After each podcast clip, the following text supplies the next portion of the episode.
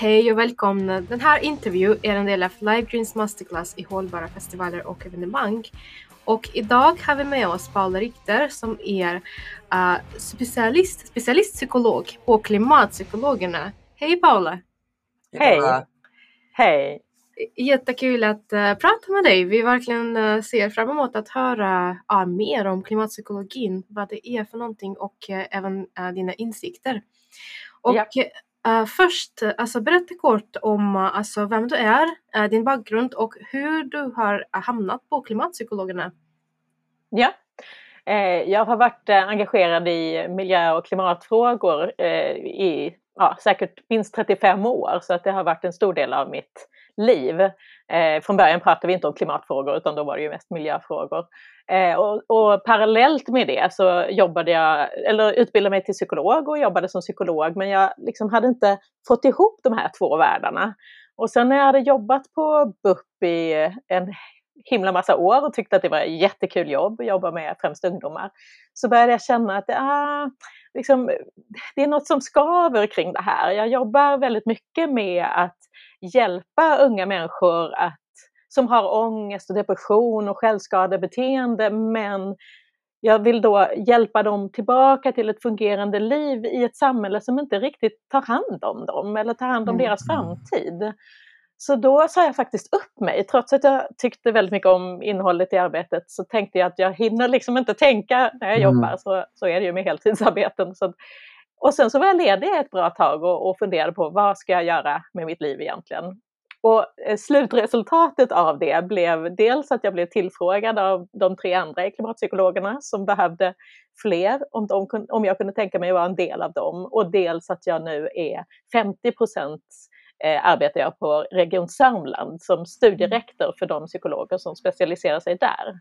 Så det, mm. det är det som har ja, blivit resultatet av att jag var arbetsfri under en längre period. Mm. Okej. Okay.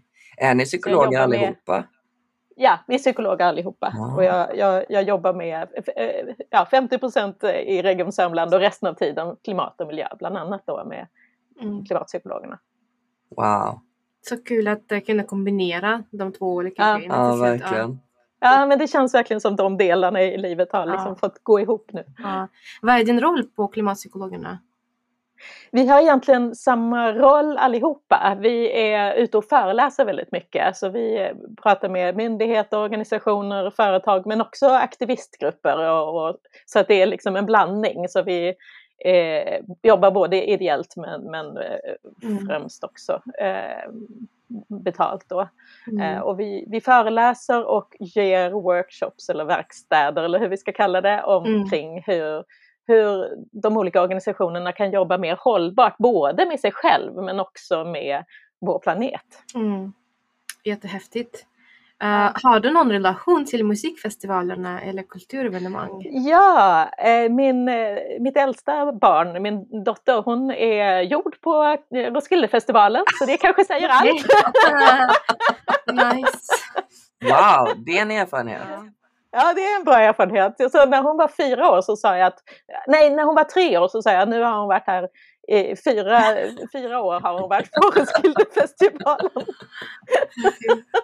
ja, det är, det är en erfarenhet. Och i, ja. och i, i yrket i yrket har jag inte direkt eh, någon musikfestivalerfarenhet, nej. nej.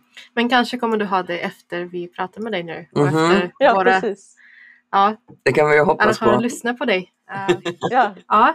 Uh, första fråga som kanske är lite dum men ändå viktig att ställa. Um, vad är klimatpsykologi?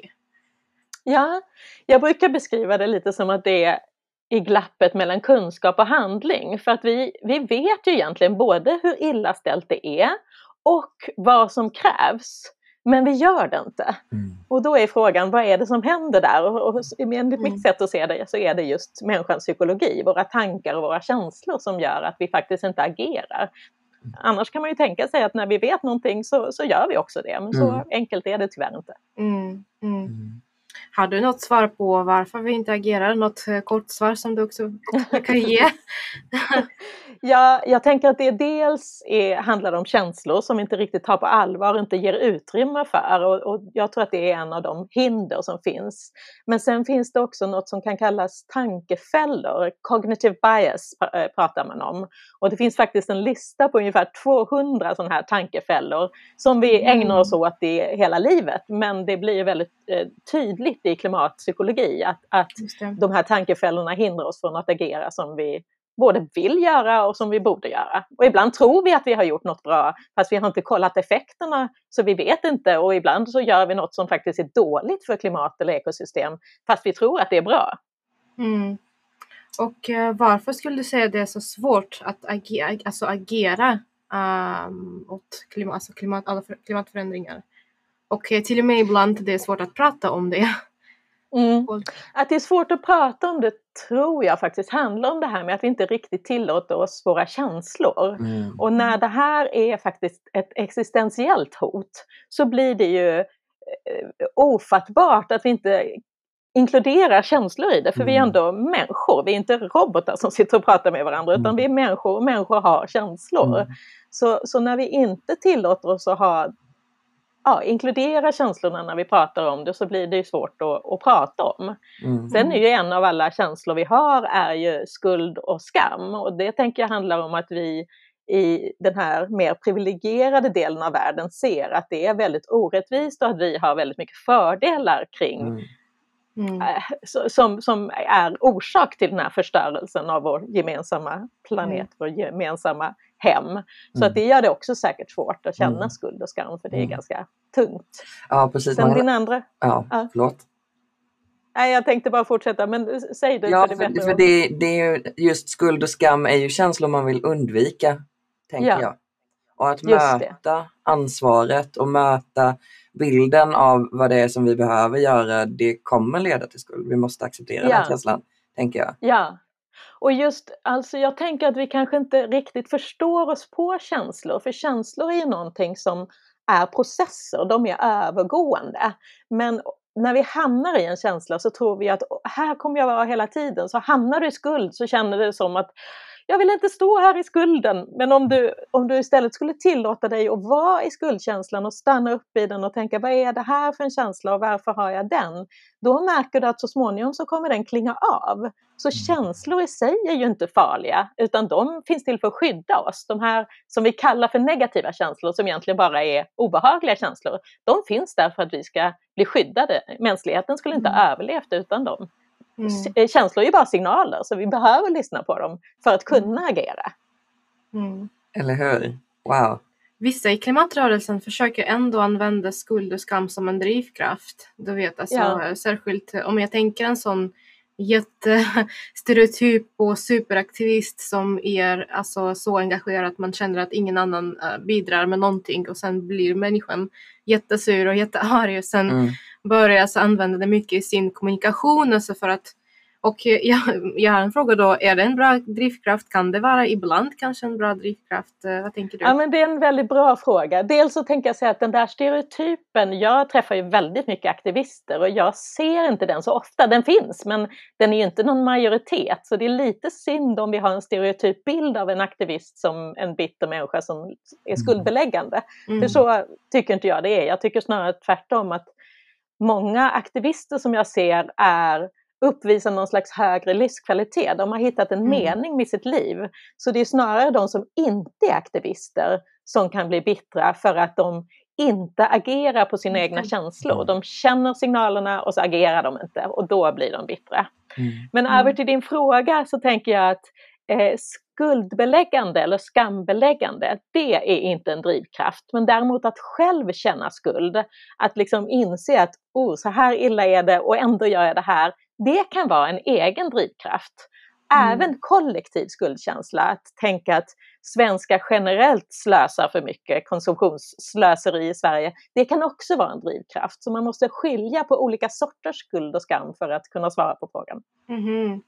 Vilken skuld och skam kan vara faktiskt bra ibland? Alltså om du kan ge ett exempel? Egna, egna skuldkänslor. För det första så behöver vi skilja på skuld och skam också Just egentligen. För ja. skuld är egentligen när det har gjorts någonting fel medan skam är mer existentiellt, som att du mm. är fel. Så det är ju två väldigt mm. olika saker fast mm. vi blandar ofta ihop dem och ja. tror att de är samma. Men skuldkänslor där du börjar tänka, du kanske har gjort en sån här klimatkalkylator och så inser du att oj, jag släpper ut otroligt mycket mer än vad jag mm. har förstått. Och då känner du skuld för det och då kanske du börjar eh, tänka hur kan jag göra för att ändra på mitt beteende så att jag faktiskt släpper ut mindre. Mm. Eh, det finns en del problematik bakom det här med klimatkalkylatorer också men för att ta ett exempel så, så är mm. det, kan det vara hjälpsamt. Mm. Ja, jätteintressant. Uh, vi har en fråga som handlar om uh, kommunikation då av hållbarhet och när man pratar överhuvudtaget om klimatkrisen och försök, med syfte att försöka engagera andra människor. Uh, det gör vi alla. vi gör det mycket i Live Green för att vi försöker mm. verkligen så mycket det går att nå ut till folk. men vår, vår, hur, alltså vår målgrupp då, arrangörer, de som skapar evenemang och mm. alltså de jobbar ju också mycket mot publik Uh, och de jobbar skitmycket med marknadsföring, kommunikation, sånt.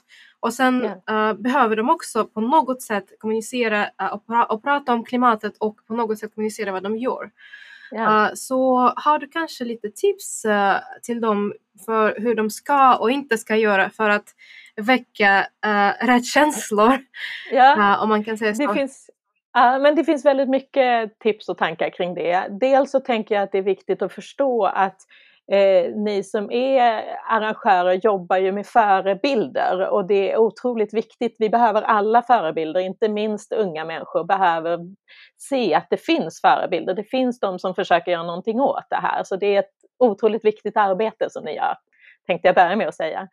Eh, och sen så är det så att visa på handlingsalternativ, alltså visa på vad man faktiskt kan göra är en mm är en viktig del för att få folk att komma ur det här som vi pratade om innan, att det finns en risk att, att folk känner att det finns ändå ingenting att göra, för det är inte ens mm. sant. Eh, all forskning visar att det finns fortfarande, vi, vi har fortfarande möjlighet att göra någonting åt det här om vi agerar nu.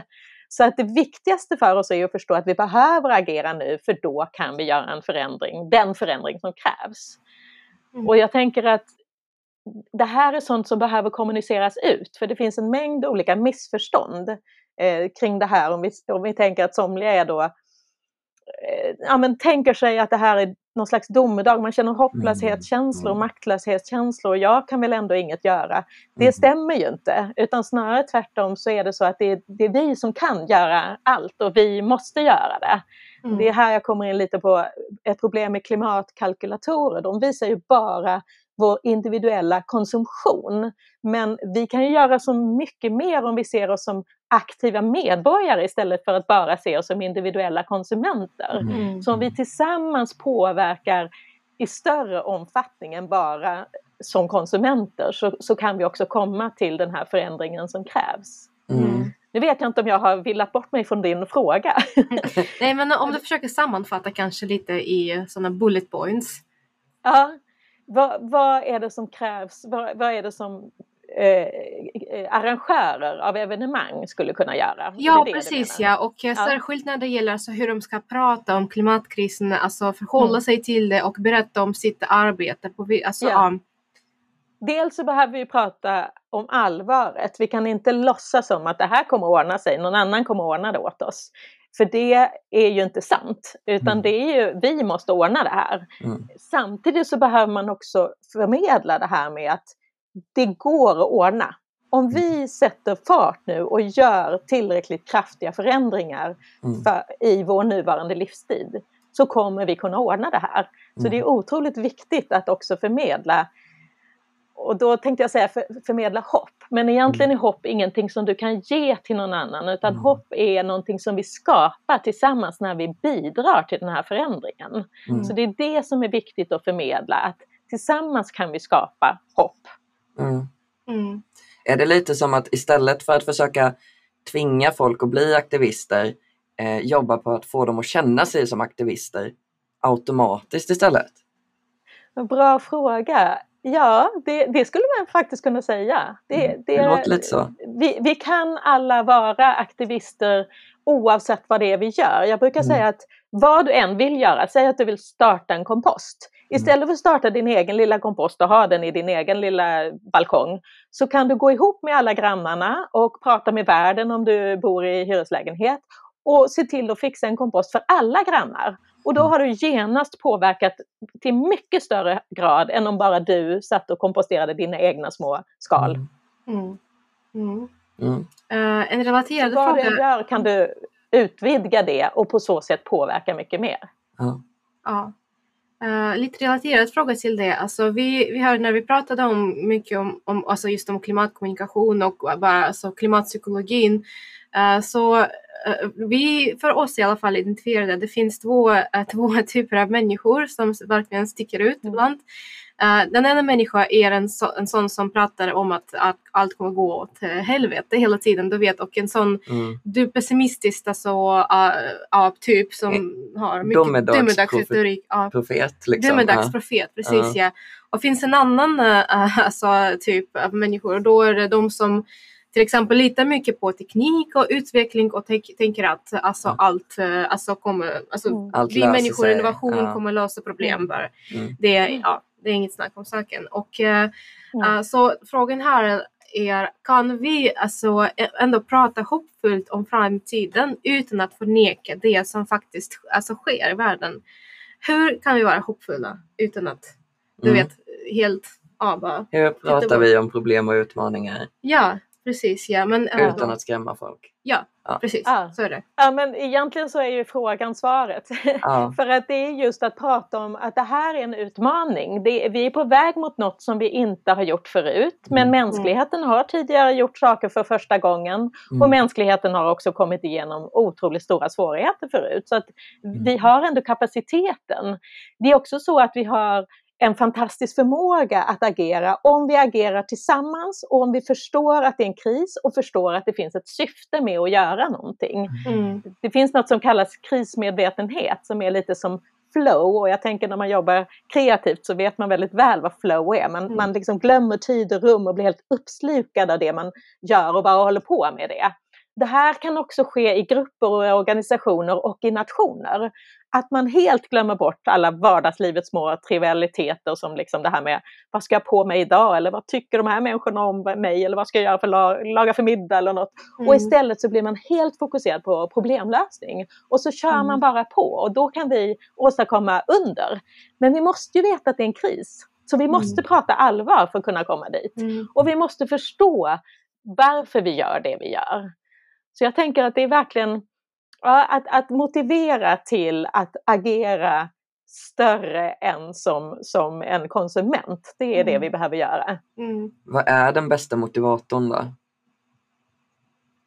Ja, jag tror att det är individuellt. Mm. jag tror däremot att en väldigt stark motivator är att förstå att du kan göra skillnad. Mm. Alla de här, alltså det är ju svårt att bryta normer och det är ju fortfarande ganska mycket så, för jag hoppas och tror att det håller på att ändra sig, men att normerna ligger i ett ohållbart liv.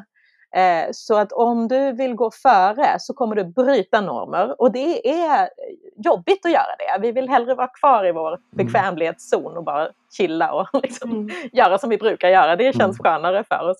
Men alla de som vi nu ser som någon slags hjältar som, som Gandhi eller Martin Luther King eller eh, det finns ju en mängd olika eh, suffragetterna till exempel som gjorde en otroligt stor arbete mm. och, och, fick igenom lagförslag. Mm. De gick ju före och sågs som jobbiga extremister mm. på sin tid. Mm. Så att jag tror att det också handlar lite om att, att förstå att var och en av oss kan faktiskt bryta de här normerna i stort eller i mm. smått och, och, och, visa att det går att leva ett liv, till exempel utan att flyga. Mm. Du kan vara precis lika lycklig som människa utan att överhuvudtaget flyga. Mm. Mm.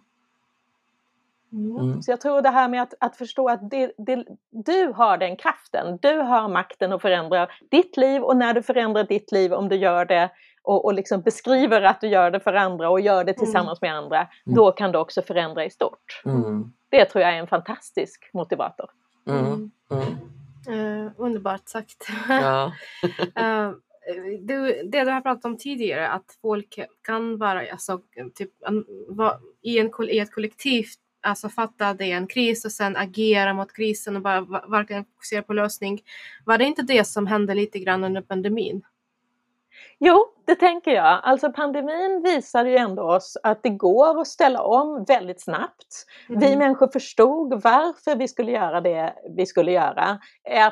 En absolut majoritet, inte prick alla, men en absolut majoritet. Mm. Och vi gjorde en otroligt stor mängd förändringar. Så jag tänker mm. att det är lärorikt att se det, att det faktiskt är möjligt. Och det är inte så hittills att det har visat sig att alla människor blir deprimerade av det, utan mm. en hel del har hittat lärdomar som de tycker har varit bättre. Alltså det har varit både positivt och negativt för de flesta. Sen har vi ju självklart en mängd människor som har förlorat nära och kära och det ska vi ju inte förminska. Men om vi ser till liksom, eh, samhällsfrågan så har mm. vi märkt att vi kan göra en hel del saker och, och fungera bra även om vi gör det helt annorlunda än hur vi mm. levde vårt liv innan pandemin. Mm. Men vad tror du, alltså, vad är skillnad mellan pandemin och klimatkrisen? Varför äh, lyckades pandemin att äh, verkligen alltså, engagera alla och mobilisera ja. alla och varför klimatkrisen är fortfarande den fråga som inte väcker lika mycket reaktion och uh, Ja, det är en jättebra fråga som en mängd människor har spekulerat i.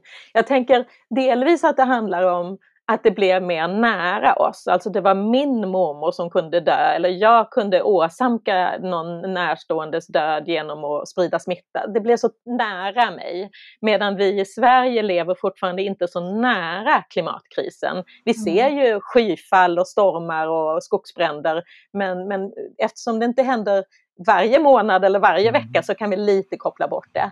Men en mm. viktig del i det är ju faktiskt också hur det uppmärksammas. Alltså i media, eh, det var ju snabbt ordnat det här med presskonferenser två gånger i veckan där man mm. diskuterade varenda nyhetsförmedling eh, upprepade. Så här ser det mm. ut, coronakrisen har orsakat det här, nu är det så här många döda.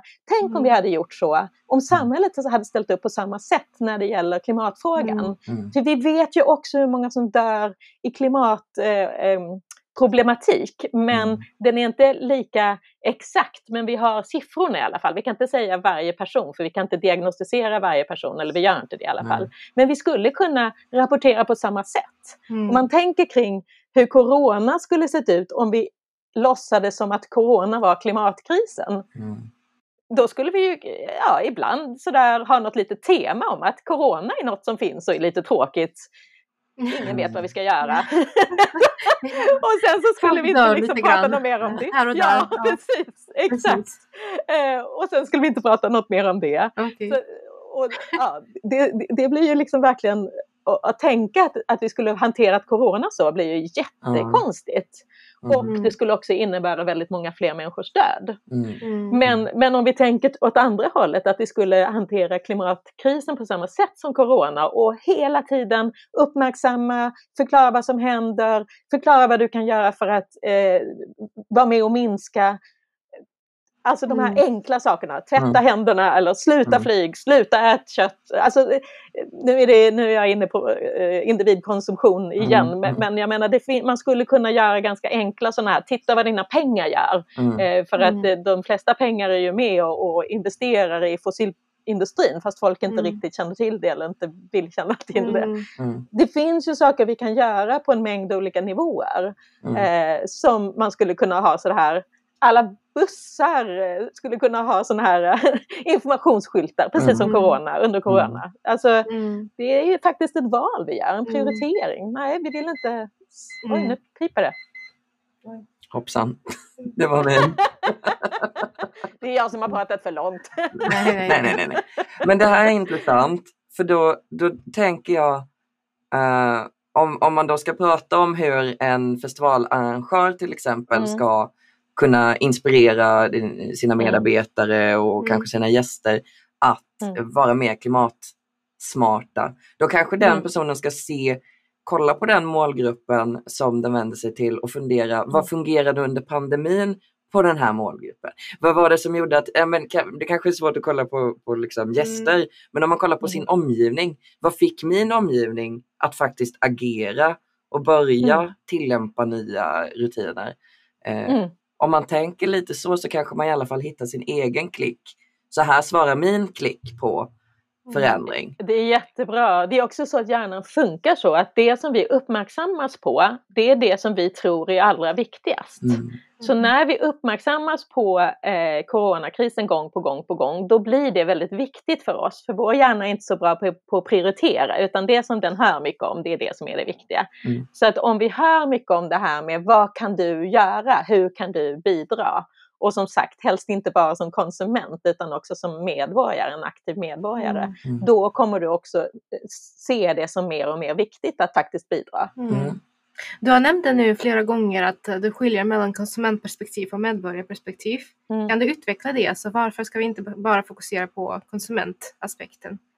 Det räcker inte, vare sig för att förklara krisen eller för att lösa klimatkrisen så räcker det med våra individuella eh, konsumentmönster. Så det är därför vi måste påverka mycket större. Vi behöver lagförändringar. Det är också så att lagförändringar leder till normförändringar och vi behöver ju nya normer. Vi behöver en, en norm om att det är självklart att leva hållbart snarare än, nor än den här normen vi har nu om att det är självklart att vi är helt beroende av fossilindustrin för att mm. leva våra liv. Mm. Så att eh, om du påverkar, om, om vi tillsammans går ihop och påverkar så att politiska beslut tas då kommer det vara väldigt mycket lättare för oss också att leva i enlighet med den normen, mm. i enlighet med hållbarhet. Mm. mm. det finns så otroligt mycket små frågor som är så svåra för en enskild konsument att avgöra. Mm. Ja, ni har säkert också stått i affären och tänkt, ska jag köpa kravmärkta ekologiska tomater från Spanien mm. eller ska jag köpa svenska tomater? Mm. Eller vad det nu är för mm. konsumtion du är ute mm. efter. Och det är ju inte en så lätt fråga för en enskild konsument att behöva tänka på. Och ska du gå och titta på varenda vara med de tankarna så kommer du dels kommer din hjärna bara uppmärksamma det och det finns en risk att du fastnar där och tror att det är det enda du kan göra.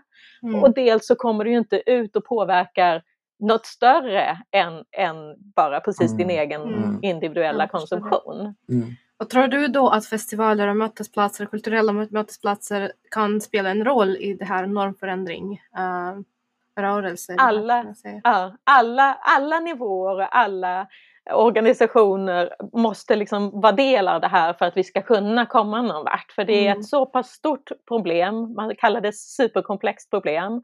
Och vi behöver liksom gå ihop för det. Mm. Så att absolut att även eh, kulturarrangörer behöver vara en del av det här och det finns en mängd, jag är inte proffs på den delen men jag tänker att det finns en mängd saker att göra där med. Jag mm. kommer ihåg, och apropå då Roskildefestivalen som, som liksom, där man tidigare hade bara glasflaskor och sen gick man över till plastglas. Alltså det finns ju små och stora beslut att ta där som allihopa mm. påverkar och som också mm. innebär både förstöring av ekosystem och klimat som mm. vi behöver titta på.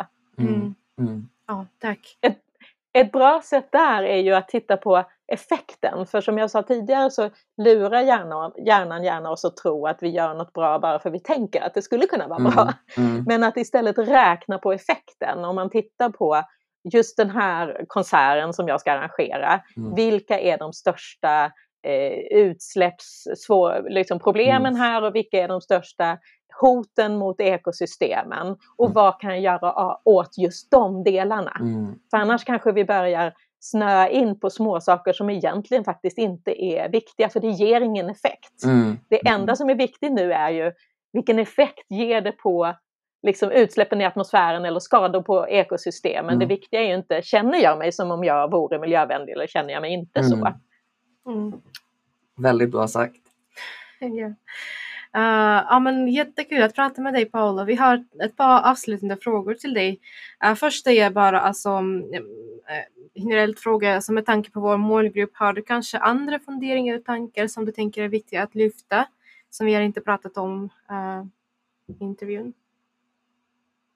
Jag tänker, ja vi har ju pratat om det, men det här med att gå samman, det är ju något mm. som både visar sig hjälpa mot klimatångest och samtidigt hjälpa mot den problematik vi befinner oss i. Mm. För när vi människor känner, när vi mår dåligt och tycker att livet är jobbigt, då behöver vi varandra. Vi är gjorda sådana, att vi, vill inte, vi, vi ska inte vara ensamma när vi har svåra känslor. Mm. Så klimatångest är, det är ju egentligen eh, en mängd olika känslor, så det är väldigt förenklat att säga klimatångest. Men säg sorg och ilska och oro och frustration. När vi känner de känslorna så behöver vi varandra. Så jag tänker mm. just det här med att gå samman är en viktig del och sen se hur vi kan påverka för att komma till en förändring. För det är också ett sätt att ta hand om, mm. om dina eh, jobbiga eller obekväma känslor. Mm. mm. Tack för svaret. Och sista fråga då är, eh, alltid vår sista fråga handlar om framtid och då eh, var vi nyfikna att eh, fråga dig vilka trender finns det inom klimatpsykologin? Vad märker ni alltså, när ni jobbar ja. med andra? Och, ja. En viktig sån trend, så att säga, om det nu kan kallas en trend, men en studie som kom alldeles nyligen är där man har frågat 10 000 ungdomar globalt eh, hur de känner inför den här frågan. Och de har kommit fram till bland annat att väldigt många unga känner sig svikna av sina eh, regeringar. Man mm. ser att vi eh, bryr oss väldigt mycket, vi pratar, det här är vår framtid ni pratar om, men de åtgärder ni föreslår är inte i närheten av att kunna ta hand om problemet. Mm. Så där finns en stor del. Jag tror också att det är en del som vi kommer se mer och mer av, att unga människor blir mer och mer förtvivlade eh, och kanske också agerande utifrån de här känslorna om inte vi får en, en, ett skifte politiskt. Mm. mm. För det är nästa sån trend att, att jag tror att vi kommer efterfråga lagförändringar mer och mer och det visar mm. också studier. Mm. Att, eh, jag tror att det kanske är så just nu att vi, vi är i ett skifte där politiker ännu inte har fattat att människor vill ha, att deras väljare vill ha lagförändringar. Mm. Så politiker tycker att det är lite läskigt att tänka kring att ta de här lite obekväma besluten. Mm. Men det är precis den sortens beslut som folk efterfrågar. Mm. Och den forskning som finns visar också att när lagändringar och, eh, har tagits, när det blir beslut, då skiftar våra normer. Så när vi börjar göra annorlunda, alltså när vi förändrar vårt beteende, så förändras också attityden. Mm. Så det är en sån, att folk efterfrågar lagförändringar, det är det som ska ske nu. Mm.